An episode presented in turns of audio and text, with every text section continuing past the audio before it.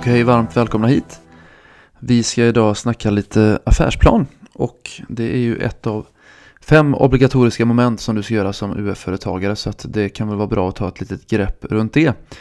Men samtidigt vet jag att eh, när det gäller affärsplan så är det ganska noga med deadline, att man följer den och eh, en del regioner har redan haft sin deadline medan några har sin deadline kvar. Därför blir det lite sådär affärsplanen i sista stund. Några tips att ha när du sitter på slutet med din affärsplan. Eh, som jag hoppas kan bidra med lite tankar här då. Vi kan väl börja med att titta lite på eh, styrdokumenten, hur man kan tänka kring dem. För det här är ju även då lite centrala innehåll och kunskapskrav. Och eh, väldigt spännande ord här som man behöver tänka kring. Eh, läser du kursen entreprenörskap och företagande som du gör om du går på ekonomiprogrammet så står det ju på A-nivå att man ska upprätta en genomarbetad affärsplan och reviderar vid behov planen under arbetets gång. Eh, medan E och C-nivå så handlar det mer om att man ska upprätta en enkel affärsplan. Och det är ju väldigt spännande att fundera på vad skiljer en enkel eh, jämfört med en genomarbetad affärsplan. Eh, och där får du leta, lita på din lärares profession, att eh, denna har funderat ut kring de här sakerna. Eh, själv så har jag också funderat en del kring detta. Vad tänker jag är genomarbetat? Eh, och jag ska ge dig sex stycken punkter som jag tycker kännetecknar när en affärsplan är genomarbetad. Den första punkten, att det är genomtänkt, att ni verkligen har tänkt igenom de olika sakerna ni har skrivit om. Punkt två, att ni kan motivera era val så att man inte bara skriver vi har gjort så och så utan att man genomgående motiverar varför har vi gjort så så att ni visar att det finns en tanke bakom allting. Tre, eh, att man kan visa att tankarna och besluten man har tagit i företagen i hög grad är välgrundade. Det vill säga att det inte då bygger bara på magkänsla utan eh, att man kan grunda det på saker man har läst om eh, olika saker i samhället till exempel, kanske lite statistik. Man kanske bygger saker på eh, information man fått fram genom marknadsundersökningar och så vidare. Fyra, att man har en layout som passar in i företaget. Också eh, ett exempel på att det är genomtänkt tycker jag. Det är en helhetsbild och eh, en affärsplan används ju ganska mycket i marknadsföringssyfte mot andra aktörer. Så där om man vill kanske ansöka om lån och annat så är det ofta man visar sin affärsplan. 5. Att man använder sig av relevanta begrepp och metoder. Eh, det finns ju lite olika eh, SWOT-analys, EFI-analys, eh, lite olika. Kanske att man slänger in någon kalkyl till exempel. Så att man visar att man kan behärska lite sådana saker också. Eh, och punkt nummer sex, korrekt resultat och balansbudget är ju viktigt. Nu sa jag fel ord. Det ska ju såklart vara resultat och likviditetsbudget. Eh, så de sakerna tycker jag kännetecknar om den är genomarbetad. Men det här är ju såklart inget allsmäktigt facit. Eh, utan eh, om du är nyfiken så kan du ju alltid höra lite med Eh, din lärare, var den kanske väger in lite extra för att det ska anses vara genomarbetat. Jag tror inte att det kommer vara helt olika saker men eh, det skadar ju inte att höra efter lite så att ni tänker på samma sätt. Det är väldigt bra. Det var lite om styrdokumenten.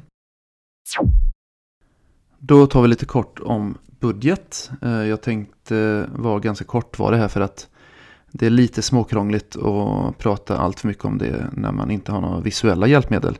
Eh, kan bli lite rörigt så att jag ska hålla mig ganska kort. Men eh, det är såklart två budgetar som ni ska ha med i eran affärsplan. Eller klart och klart, det är det som brukar vara standard i alla fall. Eh, ena är resultatbudget som visar då företagets planerade intäkter och kostnader för året. Det kan ju inte vi veta, brukar jag höra elever säga. Nej, så är det. Men ni får göra en liten uppskattning ändå för att liksom hela ert företag bygger väldigt mycket på vad ni tror att ni kommer ha för försäljning och kostnader.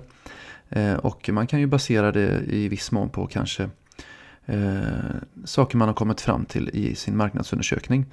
Eh, vad som är viktigt att tänka på som kan vara ett sånt standardmisstag som en del gör. Det är att man eh, tänker att man, jag ska inte säga för mycket här, men tänk klokt kring eh, riskkapital. Fundera på om det ska vara med i eh, resultatbudgeten eller inte. Men eh, jag säger inte mer om det. Eh, sen går vi över då till likviditetsbudgeten. Och syftet med den är ju lite att se att man varje månad har likvida medel som är ett lite finare ord för att man alltid har cash kan man säga då, att man alltid har pengar tillgängligt så att man inte liksom går minus en månad och hamnar eh, på, i skuld. Eh, så att det är ett system som är gjort för det då. Eh, och där byter man ord lite grann så att för varje månad så ska ni eh, ha med era inbetalningar. Och det kan ju vara till exempel försäljning och annat som ni får in pengar på. Eh, ni summerar det för varje månad och ser då liksom summa inbetalningar och sen så har ni då utbetalningar som är saker som kostar pengar. Ehm, och så summerar ni det, summa utbetalningar och ibland blir det inte så många olika men man summerar det ändå. Ehm, och utifrån det så har ni fått ett antingen över eller underskott för månaden. Ehm, och utöver det så tycker jag också att man kan ha med rubrikerna ingående behållning. Det är de pengarna ni har när månaden börjar, första varje månad kan man säga. Och även utgående behållning som är de pengarna ni har när månaden är slut. Och där måste det ju vara plus då. Eh, så låt säga att du har en månad där du har gått eh, plus 400. Det är det som är månadens överunderskott. Sen hade du kanske 200 när månaden börjar, det vill säga ingående behållning. Då adderar du de två summorna och din utgående behållning är då 600. Det kan också vara så att du går minus en månad. Eh, du kanske går minus 400. Men så hade du i ingående behållning när månaden börjar 500. Eh, och då blir ju utgående behållning 100 så att då kan du ändå garantera att ja, men du har ändå kvar lite pengar. Eh, och lite standardgrejer är att du kontrollerar då så att det som är utgående behållning månad 1 det är alltid samma som ingående behållning månad 2. Annat som är bra att tänka på är att du kan till exempel tänka att när eh, du har sista månadens utgående behållning bör ju vara samma som ert resultat i resultatbudgeten. Eh, så att ekonomin hänger ihop där. Mm. Det var det som jag tänkte ta upp lite kort om budgeten bara. Okej, då tänkte jag prata lite om aspekten hållbart eh, företagande som ju är en av huvudrubrikerna i er affärsplan. Hur tänker ni jobba hållbart? Och jag tänkte då utifrån det prata lite om eh, vad finns det för material man kan använda sig av när man eh, ska tänka lite kring hållbarhet. Det finns ju hur mycket som helst så jag tänkte dela med mig av några saker som jag tycker kan vara en bra grund utifrån liksom, som man kan använda som UF-företag. Eh, och sen lite också hur ska man navigera egentligen i hållbarhetsfrågan? För det finns ju mycket eh, material. Det finns många aspekter att tänka på så att där tänkte jag i år så tänkte jag nu får jag börja reda ut och samla, ta ett samlat grepp här så att det blir också en liten punkt. Navigera i hållbarhetsfrågan. Men om vi då börjar med eh, hållbart företagande. Eh, ansvarsfullt företagande eller CSR som det kallas på engelska. Corporate Social Responsibility. Eh, så är ju nummer ett brukar man prata om att det består av tre aspekter. Eh, det kan vara social hållbarhet, ekonomisk hållbarhet och ekonomisk, eller förlåt, ekologisk slash miljömässig hållbarhet. Ehm, och vad som kan vara bra att tänka på tycker jag är att när det kommer till social hållbarhet då kan det ju det handlar ju mycket om människors mående och dels kan det ju handla om att när ni köper in varor till exempel att man försöker att garantera att de som har gjort produkterna har haft schyssta arbetsförhållanden och sånt. Men ni kan ju också vända det här internt också och tänka hur ni själva jobbar med trivsel och samarbete och demokrati och delaktighet och sånt i ert företag. Så utifrån den aspekten så tänker jag att alla kan ju relatera till social hållbarhet på något sätt. Ekonomisk hållbarhet handlar generellt om kanske schyssta löner, att man gör bra affärer, man håller avtal och inte accepterar mutor och så vidare.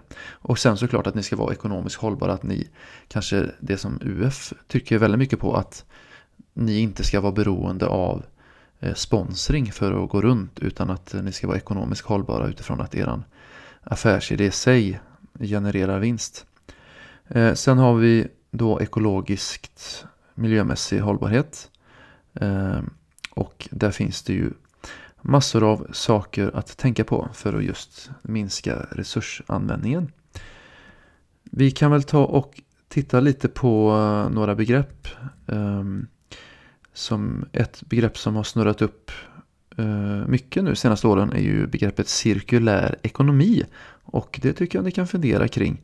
Eh, kan vi liksom relatera till det här med Eh, cirkulär ekonomi och livscykeltänkande? Och det handlar ju om att eh, man liksom ska minimera miljökonsekvenserna för en, eh, som en produkt har under hela sin livscykel.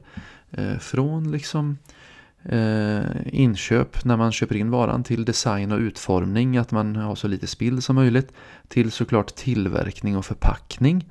Eh, vidare genom distribution när den körs varan kanske då. Eh, och själva användningen, att den är hållbar. Och sen att man också tänker då efter användningen, vad händer då? Eh, så att den i bästa fall kan återanvändas eller liksom att det är väldigt tydligt med vad konsumenten ska göra. Och det kan man ju alltid eh, påverka själv, att ni kan ha lite fina lappar så här, vad ni tänker kring det här i samband med er produkt. Och sista steget är ju då återanvändning och avfallshantering. Och i bästa fall så kanske man kan återanvända mycket av varan och till och med att mycket av varan också är, består av återvunnet. Så att ehm, mm, det är en aspekt jag tycker man kan ha med sig i det hållbara företagandet. Eh, cirkulära ekonomin. Eh, en annan aspekt eh, kan ju vara att man tänker lite på FNs Agenda 2030, de 17 hållbarhetsmålen. Eh, det kan ju vara så att eh, någonting ni jobbar med också stämmer överens med vad FN tycker är viktigt för att vi ska ha en hållbar och schysst framtid. Och det är ju inte fel att ha FN i ryggen tänker jag. Eh, så att det är smidigt och enkelt att gå in där och eh, titta på det. Eh, sen så kan man också, tycker jag, ehm, som material titta på lite hållbarhetsredovisningar. Det är så lite större företag, det är en lag sedan ett par år tillbaka, då måste man göra en hållbarhetsredovisning för att eh, visa då hur man eh, under det här året har jobbat med hållbarhet utifrån alla de här aspekterna. Eh, och ja, det finns några hållbarhetsredovisningar som jag tycker är ganska checka och intressant att titta på. GKs till exempel, Ullared, kan man gärna ta en liten titt i och se där. Eh, då får man upp mycket intressant information om liksom allmänt. De, de har skrivit om sin företagskultur och allt möjligt. Men, eh, så det är jätteintressant. Ehm, en, ett annat ställe där ni kan få lite information är ju eh, Svensk Handel och en organisation som stå, företräder liksom mycket av butikerna och sånt. De kör massa härliga rapporter och sådär. De har de, Svensk Handels hållbarhetsundersökning 2018 till exempel. Då kan man få massa intressant information kring hur vi tänker i Sverige kring hållbarhet. Hur tänker konsumenter, hur tänker företag och sådär. Eh, jätteintressant att fundera på och ha i ryggen så. Mm. Eh, ett annat ställe man kan få lite material på är eh, genom att man kan titta på FN och deras tio principer i Global Compact. Kan man också i ryggen. Mm. Vill man eh, ta det en nivå till skulle man ju kunna kolla lite på högsta nivå i Sverige. Vad säger regeringen? Då har de en information om hållbara affärer. Regeringens politik för hållbart företagande. Så att det är exempel på några källor. Ehm, mm. Men för att summera lite, hur ska du nu navigera i hållbarhetsfrågan? Ja, ett, Utgå från de tre aspekterna miljömässig, social och ekonomisk hållbarhet. Två, Tänk gärna utifrån aspekten cirkulär ekonomi och se om du kan få med det på något sätt. 3. Eh, titta gärna på lite olika material, olika rapporter till exempel från eh, Svensk Handel eller Hållbara Affärer från regeringen. 4. kolla lite hållbarhetsrapporter från företag, till exempel GKs eller finns från McDonalds och alla möjliga företag. 5. gör gärna någon kalkyl som visar att du har ekonomisk hållbarhet, till exempel divisionskalkyl. Eh, 6. Förhåller gärna till FNs 17 hållbarhetsmål. Agenda 2030 som det kallas. Eh, och FNs 10 principer. 7. Eh, som jag inte har nämnt riktigt tidigare då. Utifrån ert inre sociala hållbarhetstänk så skulle man kunna upprätta en liten uppförandekod um, Code of Conduct som det heter. Där ni skriver lite så förhållningssätt och krav ni har. Både på er själva och eh, uh, er omvärld, till exempel leverantörer och så. Uh, och sen inte minst googla gärna vidare och uh, snacka med varandra, snacka med andra människor för att få ytterligare lite tips och tankar kring hållbarhet. Något annat som ni ska prata om eller skriva om i er affärsplan är ju nätverk. Och eh, det är ju först och främst eh, er handledare som är då jag eller någon annan UF-lärare. Eh, så kan man ju berätta lite om eh, varför, vad den har för funktion och så då. Och lika så rådgivare som ju också är obligatoriskt att ha. Men mitt tips här är ju att eh, begränsa er inte endast till dessa fina aktörer utan eh, skriv gärna upp lite mer personer som ingår i ert nätverk. Och det behöver inte heller bara vara personer utan det kan ju vara organisationer och andra som ni känner att ni har kontakt med. Ehm, jag tänker så här att ett brett och kompetent nätverk ses ju såklart som något bra för företaget. Så här är ju bara att köra på, håll liksom inte igen här. Ehm, investerare och andra som kanske läser er affärsplan, de vill ju se att Ja, det är inte bara ni som ska vara duktiga utan ni ska ju gärna vara omgivna av kompetenta och bra människor också. Det tänker man ju i allmänhet ökar ju sannolikheten att det ska gå bra för er. Så att eh, tänk på det när det gäller nätverk. Då tittar vi lite på marknad och konkurrenter som också är en av huvudrubrikerna här. Eh, när det gäller marknad, inom vilket geografiskt område ska ni vara verksamma? Eh, här tänker jag att inte bara beskriv utan motivera också varför. Eh, varför inte andra ställen? Ligger marknadsundersökning bakom kanske? När det gäller kunder och målgrupp eh, kan man ju kanske använda sig av lite fina begrepp såsom segmentering. Eh, och även här kanske utgå från marknadsundersökning kan man fundera på. När det gäller konkurrenter kan man ju göra någon slags liten konkurrentanalys som i all enkelhet kan bestå av bara ett antal frågor som ni ställer själva kring era konkurrenter såsom Vilka är våra främsta konkurrenter? Var finns de? Vad erbjuder de? Vad kostar deras produkter? Hur uppfattas de av kunden? Vilket ansvar tar de för effekter på människor och miljö? Exempelvis. Eh, när det gäller produkt, eh, ni ska beskriva den, styrkor och svagheter. Gör gärna en SWOT-analys där kanske. Eh, där ni då beskriver företagets eh, svagheter, styrkor men också hot och möjligheter. När det gäller prissättning så eh, skulle man kunna göra en liten kalkyl där, exempelvis då divisionskalkyl. Och ha lite motiveringar och tankar kring det. Och styrk gärna prissättningen med marknadsundersökningen också. Om vi då avslutningsvis ska titta på sista punkten här som vi tar idag, profilering och försäljning. Så är det lite olika frågeställningar att eh, fundera kring såsom hur vill vi att våra kunder ska uppfatta företaget?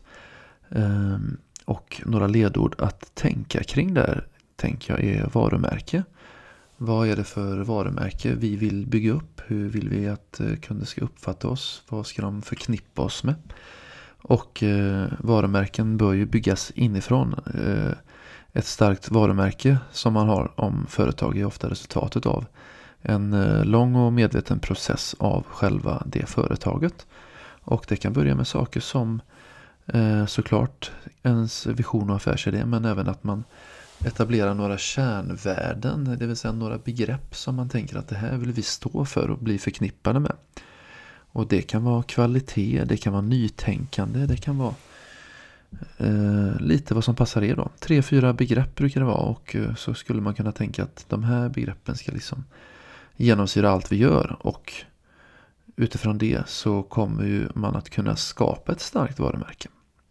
Så det kan vara bra att tänka kring. Eh, och hur man når sina kunder, ja det finns ju många varianter där. Kundbesök, ringa, mejla, hemsida, Facebook-sida, Instagramkonto såklart och massa fler alternativ på sociala medier och så.